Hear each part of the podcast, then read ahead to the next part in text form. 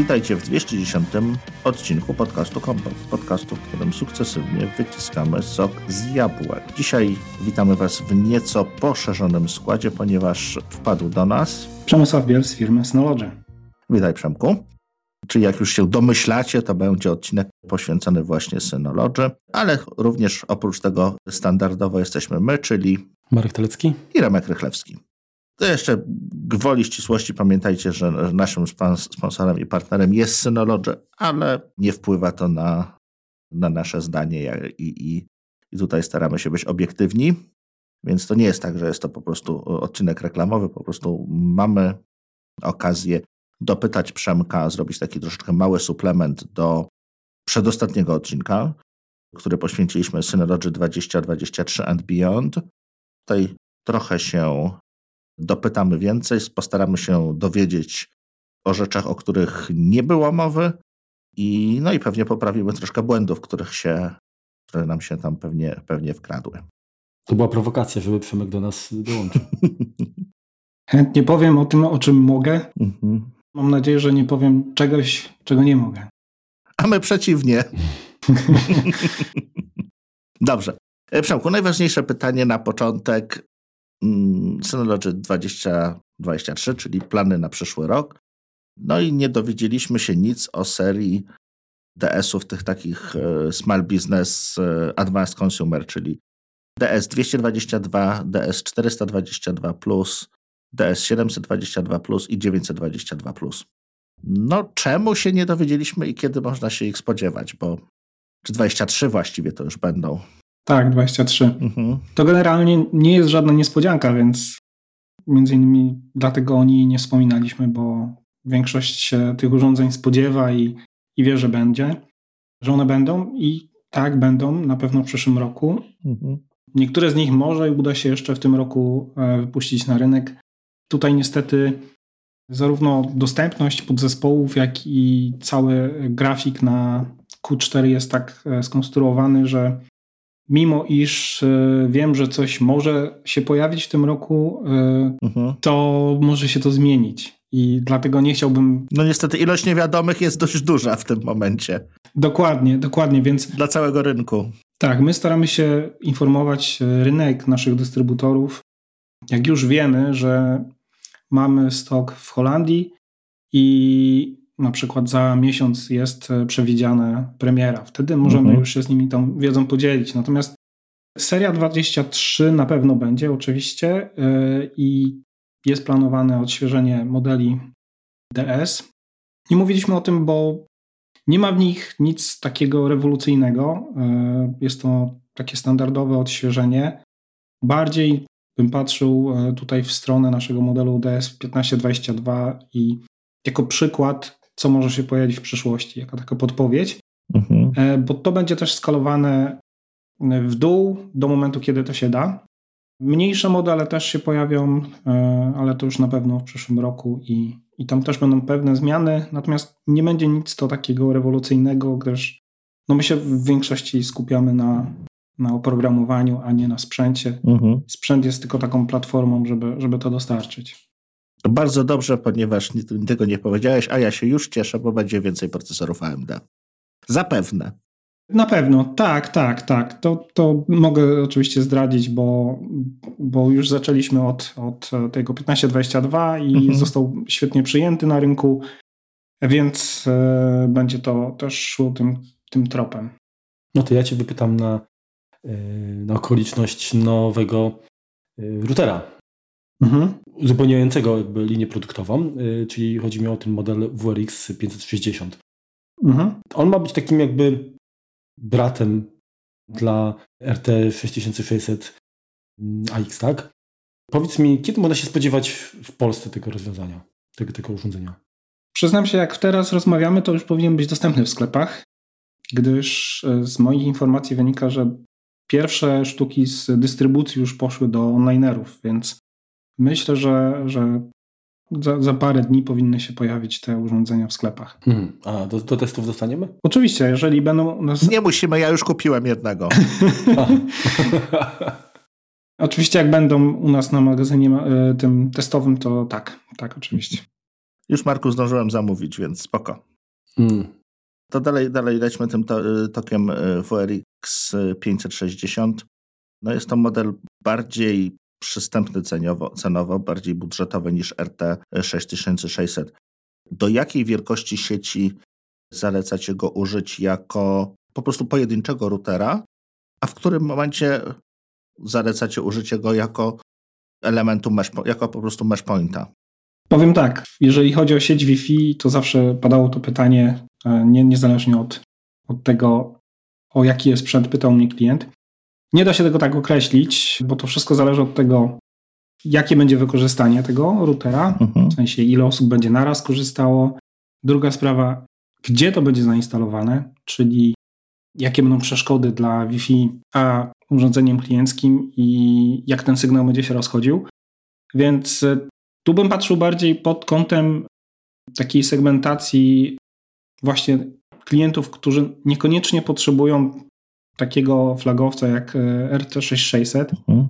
z trzema radiami, z mnóstwą ilością anten, z bardzo dużym możliwością, e, możliwościami właśnie obsługi dużej ilości połączeń. Mhm.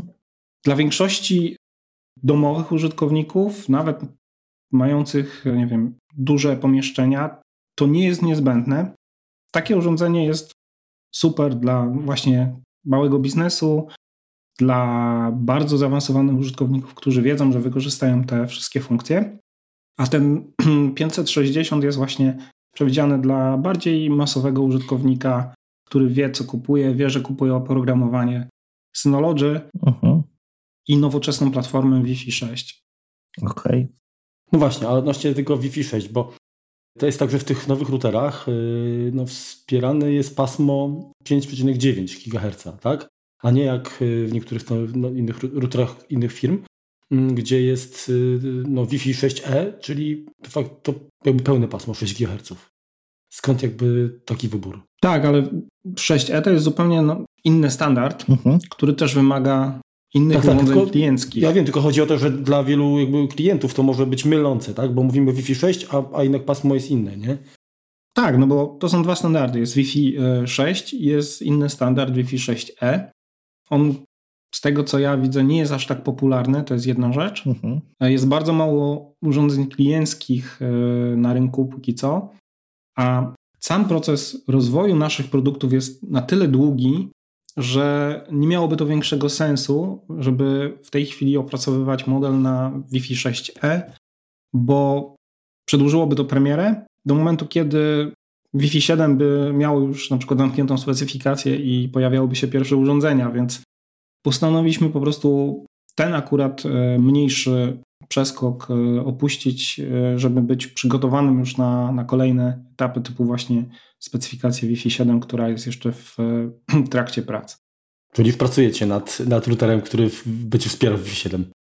Nie pracujemy, bo nie ma jeszcze pełnej specyfikacji, natomiast jeżeli będziemy wypuszczać jakiś kolejny router właśnie taki flagowiec, to myślę, że będziemy już wypuszczać na Wi-Fi 7. Bo teraz tak, to, to co wdrożyliście, czyli to 5,9 GHz, w tym momencie klient, y, urządzenia klienckie się na tym paśmie nie łączą, chyba żadne. To jest tylko pasmo do tworzenia mesza w tym momencie, czy niekoniecznie? Niekoniecznie. Są też niektóre urządzenia, które są w stanie to wykorzystać. Aha. My to wykorzystujemy między innymi do mesza, bo te pasma są dużo mniej obciążone i dużo mniej za, zatłoczone, więc e, idealnie się do tego nadają. Mhm. Dobrze. To powiedz Przemku troszeczkę więcej o kamerach, bo to była jedna z, z głównych nowości konferencji, czyli o BC500 i TC500.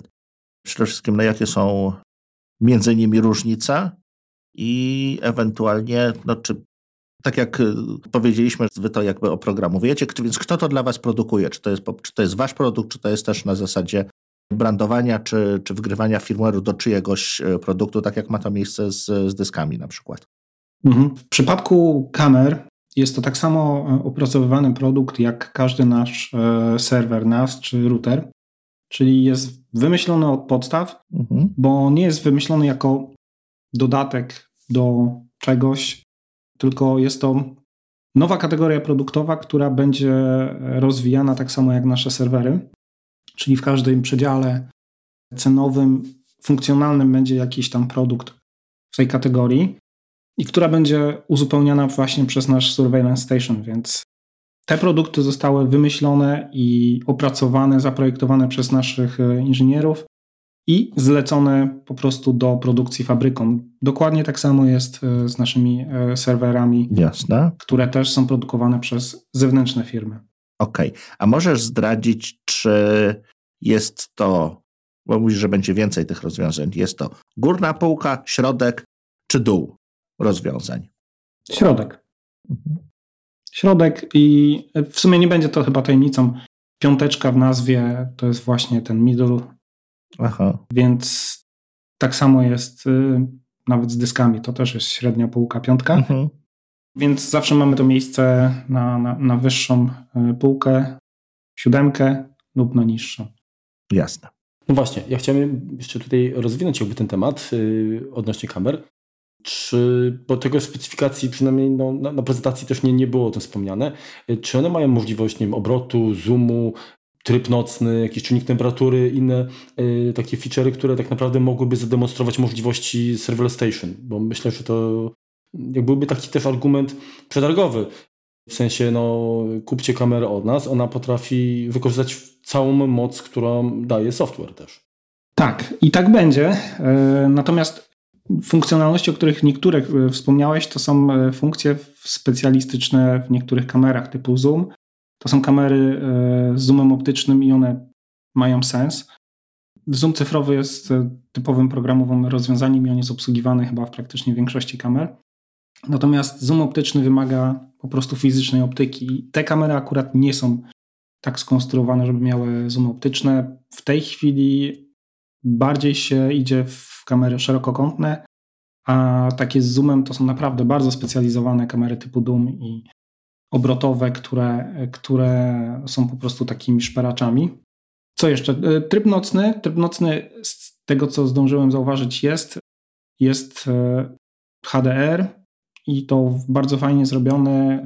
Widziałem nawet nagrania porównywalne z, z konkurencją. Jest to dobrze przemyślane i cała obsługa tych kamer jest oparta o Surveillance Station. I może tego nie było widać na prezentacji, bo, bo prezentacja jednak miała ograniczony czas.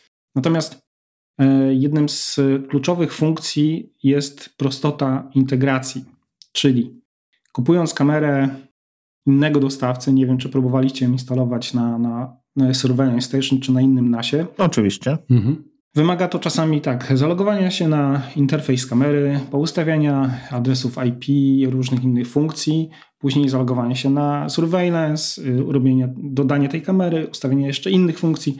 Jest to dosyć skomplikowane dla przeciętnego użytkownika. Y, specjalista sobie z tym poradzi oczywiście, natomiast to zajmuje czas.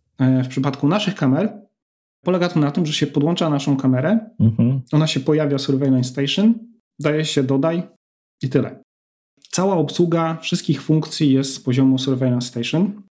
Druga sprawa, te kamery mają oczywiście edge recording, czyli można zamontować w nich kartę microSD i mhm. te nagrania będą nagrywane też bezpośrednio na kamerze. W momencie, kiedy jest utracone połączenie, one sobie y, nagrywają na tą, na tą e, kartę microSD. Mhm. W momencie przywrócenia połączenia jest synchronizacja i jest ciągłość. No i mają też y, wbudowaną analitykę na samej kamerze. Więc to też jest jedna z takich zaawansowanych funkcji, która e, jakoś się wyróżnia z tych wszystkich tańszych kamer, które polegają tylko i wyłącznie na aplikacji i, i mocy e, serwera. Okej. Okay. Na siebie chciałem tylko się dopytać, bo tak z prezentacji zrozumiałem też, że aplikacja na smartfony, która pozwala jakby też przeglądać, e, jak łączyć się do Server Station, to również ona będzie pozwalała konfigurować e, te kamery, tak? Tak, tak. Będzie można tam no. ustawiać większe, znaczy wszystkie parametry tak samo jak, jak z poziomu klienta webowego. Będzie można to zrobić też z poziomu tak, tak, ale, ale czy jakby te, te, wasze kamery będą, ta aplikacja będzie pozwalała więcej zrobić z waszymi kamerami niż z tymi, co, niż z kamerami konkurencji? Mhm. Okay. Tak, tak, oczywiście. No będzie pełny interfejs, czyli jeżeli będzie ustawienie jasności, czy ilości klatek, czy wszystkich innych funkcji, będzie można to zrobić po prostu z aplikacji. Czasami wymaga to logowania się bezpośrednio na e, interfejs kamery i robienia tego na kilka sposobów, czyli mhm. tu osobno i tu osobno. Niektóre funkcje też u, zewnętrznych dostawców są tylko i wyłącznie dostępne z interfejsu kamery, a na przykład nie są dostępne przez e, oprogramowanie mm, takie typu VMS. Okay. Czyli do, do zarządzania i nagrywania. Dobrze, to jeszcze jak jesteśmy przy nagrywaniu, to jak mógłbyś zdradzić w stronę y, których producentów kamer y, staracie się najbardziej konkurować, bo rynek mamy troszeczkę podzielony, tak? Jest właściwie Axis, który jest tą taką, dajmy na to marką premium. No i potem już jest Dahua, Hikvision, czyli są właściwie tacy Chińczycy, którzy no nie we wszystkich środowiskach można je instalować, powiedzmy tak to. Tak to, czy nie należy ich we wszystkich środowiskach instalować? Może tak to ujmijmy, nie wchodząc w szczegóły. Mhm. Y, wy macie zgodność z NDAA, TAA, więc raczej w tego pierwszego y, celujecie. Tak, tak. Celujemy tak. w te marki y, ze średniej półki, wyższej półki, które mhm. Mają pochodzenie i projekty europejskie, mhm. albo mają te certyfikaty z prostej przyczyny. Mm, część kamer właśnie jest zbanowana na Tajwanie, Czyli praktycznie wszystkie, które mają e, jakieś źródła w Chinach, są tam zbanowane. Mhm. Duża część jest zbanowana też w Stanach Zjednoczonych, więc e, my staramy się zrobić tak, żeby nasze kamery były możliwe do zainstalowania wszędzie, mhm. czy w Europie, czy w Stanach, czy, czy właśnie na Tajwanie. To jest jedna rzecz. Druga rzecz, obsługa SRTP, co nie jest takie oczywiste, i, i w dużej części kamer po prostu jest RTP i Zgadza się. to jest sygnał puszczony w świat, który jak ktoś jest sprytny można, można przechwycić, tak? Więc bezpieczeństwo jest też drugą, drugą e, kwestią. My będziemy celować właśnie w tą średnią półkę. To nie będą kamery bardzo tanie, konsumenckie, konkurujące z Acti. Natomiast myślę, że będzie mhm. te, ta cena będzie na tyle atrakcyjna, że, Jasne. że będzie dało się to porównać. No rynek jest e, dosyć, e, polski rynek z tego co analizowaliśmy jest taki, że no rzeczywiście najbardziej popularne są te tanie rozwiązania, bo to jest rynek wrażliwy na cenę, mhm. ale obecnie pewne regulacje i, i, podejście się zmienia, więc myślę, że, że to też nam pomoże. To powiedz jeszcze też jedną rzecz, bo tego, y, jeśli, jeśli to już jest oczywiście wiadome. Czy te kamery będą musiały współpracować y, z Surveillance Station, czy też będzie je można podłączyć do innych rozwiązań, no bo na przykład y, Ubiquiti, można od nich kupić bardzo nawet w gruncie rzeczy śmiesznie cenowo kamery, bo nawet za nie wiem, 30 euro podstawowa kamerka jakaś kosztuje, ale do niej trzeba, ją trzeba wpiąć do ich rozwiązań. Tak ona nie może działać z niczym innym. Jak to będzie u Was? Z tego co wiem, to będzie tak samo. W sensie właśnie z tego względu, że całość obsługi, cały interfejs mhm. jest w e, Surveillance Extension, po prostu nie będzie można tego podłączyć do czegoś innego. E, nic mi nie wiadomo o obsługi OnWIFa, więc nie jestem w stanie, bo nie mamy kompletnego, e, kompletnej specyfikacji finalnej, więc Jasne. jeżeli coś takiego będzie, to na pewno się tym podzielę. To ja mam pomysł, który pomoże Wam te kamerki sprzedawać. w cenie kamerki licencja do Surveillance Station. No myślę, że nie jesteś, nie, nie jesteś pierwszym, który na to wpadł. Natomiast nie jestem w stanie potwierdzić ani zaprzeczyć tej, tej, tej funkcji. Na pewno ktoś to rozważa, moim zdaniem. Ale byłem zaskoczony, że odnośnie tych licencji, mhm. że na przykład takie marki jak Axis czy, czy Mobotix czy inne, o, oni też kasują dodatkowo za licencję. Tak. Więc oprócz tego, że się kupuje bardzo drogą kamerę, to jeszcze trzeba zapłacić licencję, żeby używać aplikacji tego samego vendora. Tak, dokładnie. Więc to jest, to jest jakby standard. I czasem jest to również potrafi być dla niektórych abonament. Właśnie, no, to jeszcze może być abonament. Gdzieś się spotkałem. Już teraz nie pamiętam, kto to był, ale już gdzieś z abonamentem też się spotkałem. Tak, a czasem jest to na przykład y, support na 3 lata, a później trzeba kupić znowu. Też wygodna sprawa dla producentów. No. tak. Dobrze. Powiedz, bo też może nie potraktowaliśmy tego dość y, szeroko. E, jakie są praktyczne zalety e, Hybrid Share'a? Okej, okay. to Hybrid Share po pierwsze to jest usługa e, zintegrowana C2 Storage, więc mhm. za tą usługę się nie płaci dodatkowo. Jeżeli ktoś ma C2 Storage, czyli takie miejsce na backup Jasne. w naszej chmurze, to ma automatycznie Hybrid Share i może go używać. Więc po co to jest? Zostało to wymyślone po to, żeby móc połączyć na przykład kilka lokalizacji, kilka biur, firm, czy nawet kilku użytkowników takim jednym folderem współdzielonym, mhm. który będzie widoczny w kilku tych lokalizacjach. Ale dla jednej organizacji. Tak, tak. Mhm. Przypina się ten folder po prostu pod NASA mhm. i on jest widoczny na NASie jako zwykły folder współdzielony, co jest e, na tyle wygodne, że jest transparentne, więc można z niego korzystać tak, jakby się korzystało z, normalnego e, folderu współdzielonego, a te wszystkie dane są automatycznie wysyłane do chmury, mhm. a lokalnie jest tylko cache. Więc dla użytkownika są dwie podstawowe zalety. Praca jest bardzo szybka, tak jakby pracował lokalnie, mhm. a dane automatycznie lądują w chmurze i są dostępne dla wszystkich lokalizacji. To jest pierwsza rzecz i dzięki takiej, takiemu storage'owi można rozszerzyć pojemność NASA. Na przykład jeżeli nam zabraknie miejsca, można sobie, nie wiem, 1 terabajt dodać właśnie w chmurze przez taki e, hybrid share. To jest jedna rzecz.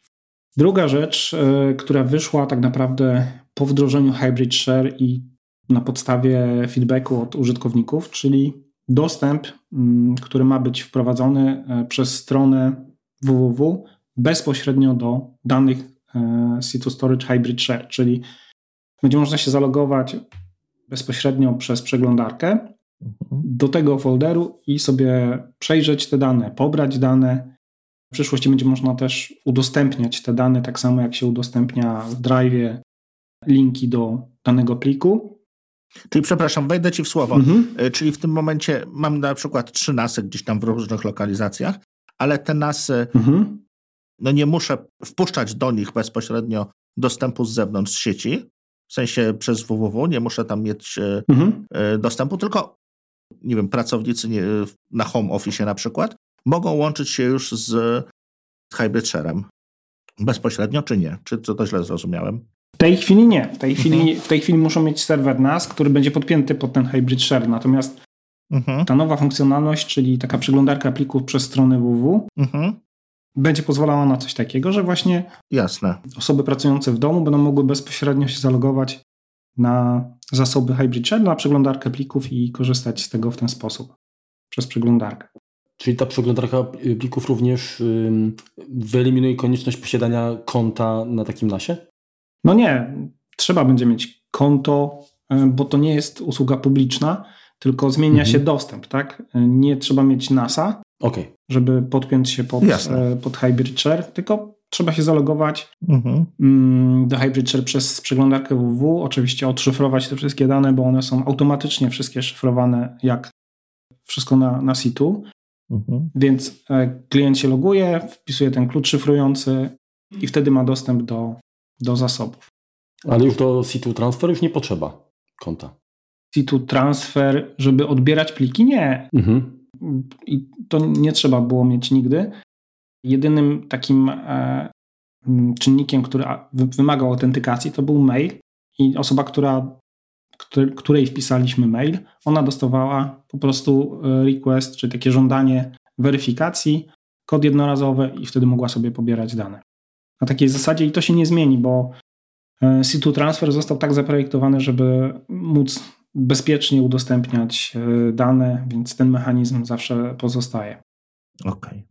Okay. Dobrze. Ja mam takie pytanie, bo e, dużo mm, fajnych takich funkcjonalności związanych jest z bezpieczeństwem i prywatnością danych, czyli worm, szyfrowanie całego wolumenu, blokowanie plików, mhm przy pracy mm, grupowej dynamiczne znaki wodne, tak, które tam też powodują, że można nadzorować, no, co się dzieje z tymi danymi. Y, pytanie, wspomniałeś, y, jak rozmawialiśmy o, o, o kwestiach sprzętowych, że patrząc na model 15 tam X, tak, można y, wnioskować, jak to będzie szło w dół, jeżeli chodzi o skalowanie tego, powiedzmy, które nowości mogą się pojawić w modelach niższych. Mhm. I moje pytanie, jeżeli chodzi o, o, o DSA, DSMA 7.2 i te, te, te rzeczy właśnie, czyli, czyli Worm, Volume Encryption, File Locking i tak dalej, czy one będą dostępne tylko na wybrane urządzenia, czy można się spodziewać, e, że również na takich podstawowych modelach domowych też one znajdą miejsce? Bo wiadomo, że są pewne funkcjonalności, które wymagają sprzętu. Jeżeli ten sprzęt jest nieobecny mhm. w danym urządzeniu, no to, to, to, tego nie ma, ale czy generalnie planujecie jakby ograniczyć pewne funkcjonalności z uwagi na to, kto jest odbiorcą? Przyznam się, nie pamiętam, żebyśmy mieli taki przypadek w, naszej, w naszym DSM-ie, żeby ograniczać funkcjonalność ze względu na odbiorcę. Bardziej jest to kierowane tym, na ile to ma zastosowanie w danym produkcie i czy ten produkt jest w stanie to uciągnąć sprzętowo. Na takim poziomie, żeby to było komfortowe i bezpieczne. I chyba jedną z takich funkcji, które ja pamiętam, że jest ograniczona do pewnych modeli, to jest chyba globalna deduplikacja na poziomie systemu plików. I to rzeczywiście wynika z, z ograniczeń sprzętowych, czyli jest tylko dostępne na bardzo wysokich modelach, e, gdzie są bardzo duże transfery, plus e, tylko i wyłącznie na naszych dyskach SSD, bo tam jesteśmy w stanie przewidzieć żywotność tego dysku, która jest przetestowana i wiemy, jaki wpływ ma ta funkcja na żywotność danego modelu. Dzięki temu klient kupuje i ma gwarancję 5 lat i nie obchodzi go, czy mu się skończy ten dysk przez rok, czy tam przez 2 lata.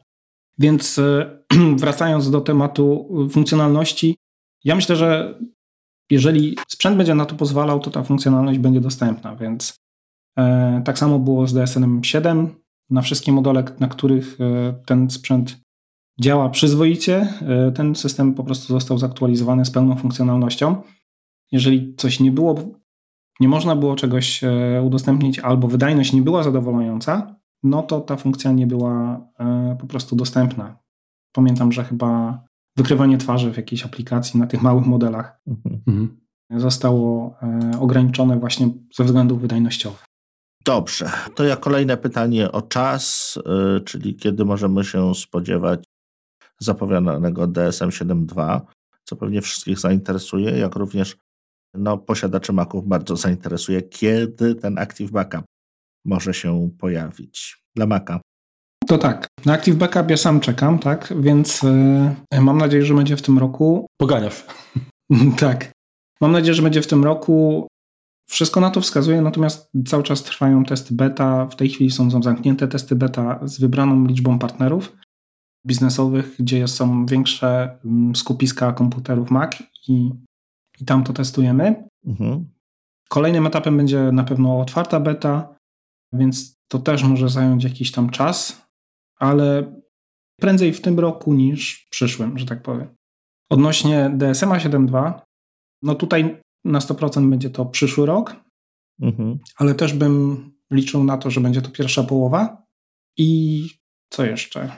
No i chyba tyle. No chyba tyle. Bo dokładnie nigdy nie podaje się daty, jak ktoś jest deweloperem aplikacji, to doskonale wie, że to może być zgubne. Mhm. Więc się podaje przedział czasowy. Mhm. Ja zakładam, że to będzie właśnie pierwsza połowa przyszłego roku. Okej. Okay. Czy były jakieś rzeczy na tej prezentacji, yy, które nam umknęły? Przyznam się, nie wiem, bo słuchałem ostatnio podcastu i pewne rzeczy wychwyciłem, natomiast mogę się podzielić pewnymi rzeczami, które niebawem się pojawią. O, super. I nie, nie jestem pewien, czy były, na czy były na prezentacji, czy nie były. To, na co ja czekałem na przykład, aplikacja dla Synology Photos dla Apple TV. O. Tego mi bardzo brakowało i nie tylko mi, bo wielu klientów narzekało, że nowe Synology Photos nie ma aplikacji, a na przykład PhotoStation miało. Zgadza się. Tak, i w tym momencie myślę, że jeszcze w tym roku będzie można, można skorzystać właśnie z Fotos e, na Apple TV. Szkoda, że się to nie spięło z nową wersją Apple TV, ale myślę, że du dużo osób, dużo osób e, będzie chciało skorzystać jeszcze do końca roku. I to, z czego ja na przykład korzystam, bo my mamy, wiadomo, wcześniejszy dostęp e, do pewnych rzeczy, klient MailPlusa, z którego my wewnętrznie korzystamy w firmie, mm, ma dużo fajnych nowych rzeczy, nowych funkcji. To, co mi się najbardziej podoba, to korespondencja seryjna. Bardzo sprytnie i prosto wymyślona, gdzie można sobie wybrać albo kontakty z e, książki kontaktowej i poprzydzielać poszczególne pola z kontaktu do mm, maila, tak żeby był spersonalizowany dla każdej osoby. Mhm. Albo można zaciągnąć sobie to z pliku zwykłego Excela, gdzie mamy listę maili, kilka pól i każde te pole, które w każdej kolumnie umieścimy, może być też personalizowanym polem w mailu. To jest super sprawa, świetnie się to sprawdza, u nas już to działa. Na rynku będzie do końca roku też dostępne, już niebawem. Dodaliśmy jeszcze szablony, to też się przydaje przy, przy powtarzających się mailach i kilka możliwość dodawania e, wielu podpisów, plus jeszcze mnóstwo jakichś kosmetycznych rzeczy, o których e, nie wiem, bo jeszcze ich nie zobaczyłem. Tak, już jesteśmy przy programach e, dla, dla iOS-a, dla, dla, dla tych platform mhm. mobilnych. To czy jest szansa na powrót Download Station dla, dla iOS-a? Coś może o tym wiadomo? Też bym chciał, natomiast polityka. On chyba wyleciał, bo on miał tam brzydkie słowo na T i kończące się rent. miał obsługę e, bardzo wielu protokołów ściągania danych, natomiast. Ładnie to nazwałeś. Komuś tak, komuś się to nie spodobało i, i uznał, że nie powinna taka aplikacja być promowana, więc my zaprzestaliśmy tak naprawdę rozwijania tej aplikacji, bo o ile na Androidzie można sobie ją wystawić na stronę i ściągnąć, to mhm. na iOSie tego się nie da zrobić, więc niestety na tą chwilę nie widziałem żadnych mm, informacji, żeby to się zmieniło. Jasne. Chyba tyle. No, wydaje mi się, że to taki suplement. Suplement. Dobrze, to taki trochę krótszy niż, niż zwykle odcinek. Spróbujemy Wam to w następnym troszeczkę wynagrodzić i chyba nie będziemy więcej Przemkowi zabierać czasu, bo rozjaśnił nam to, co, to, co, to, co mieliśmy wątpliwości. Bardzo Ci dziękujemy, Przemku, za, za wizytę. Polecamy się jak zwykle na przyszłość i dziękujemy. Ja też bardzo dziękuję. Do usłyszenia. Trzymajcie się. Na razie. Cześć. Trzymajcie się. Czołem.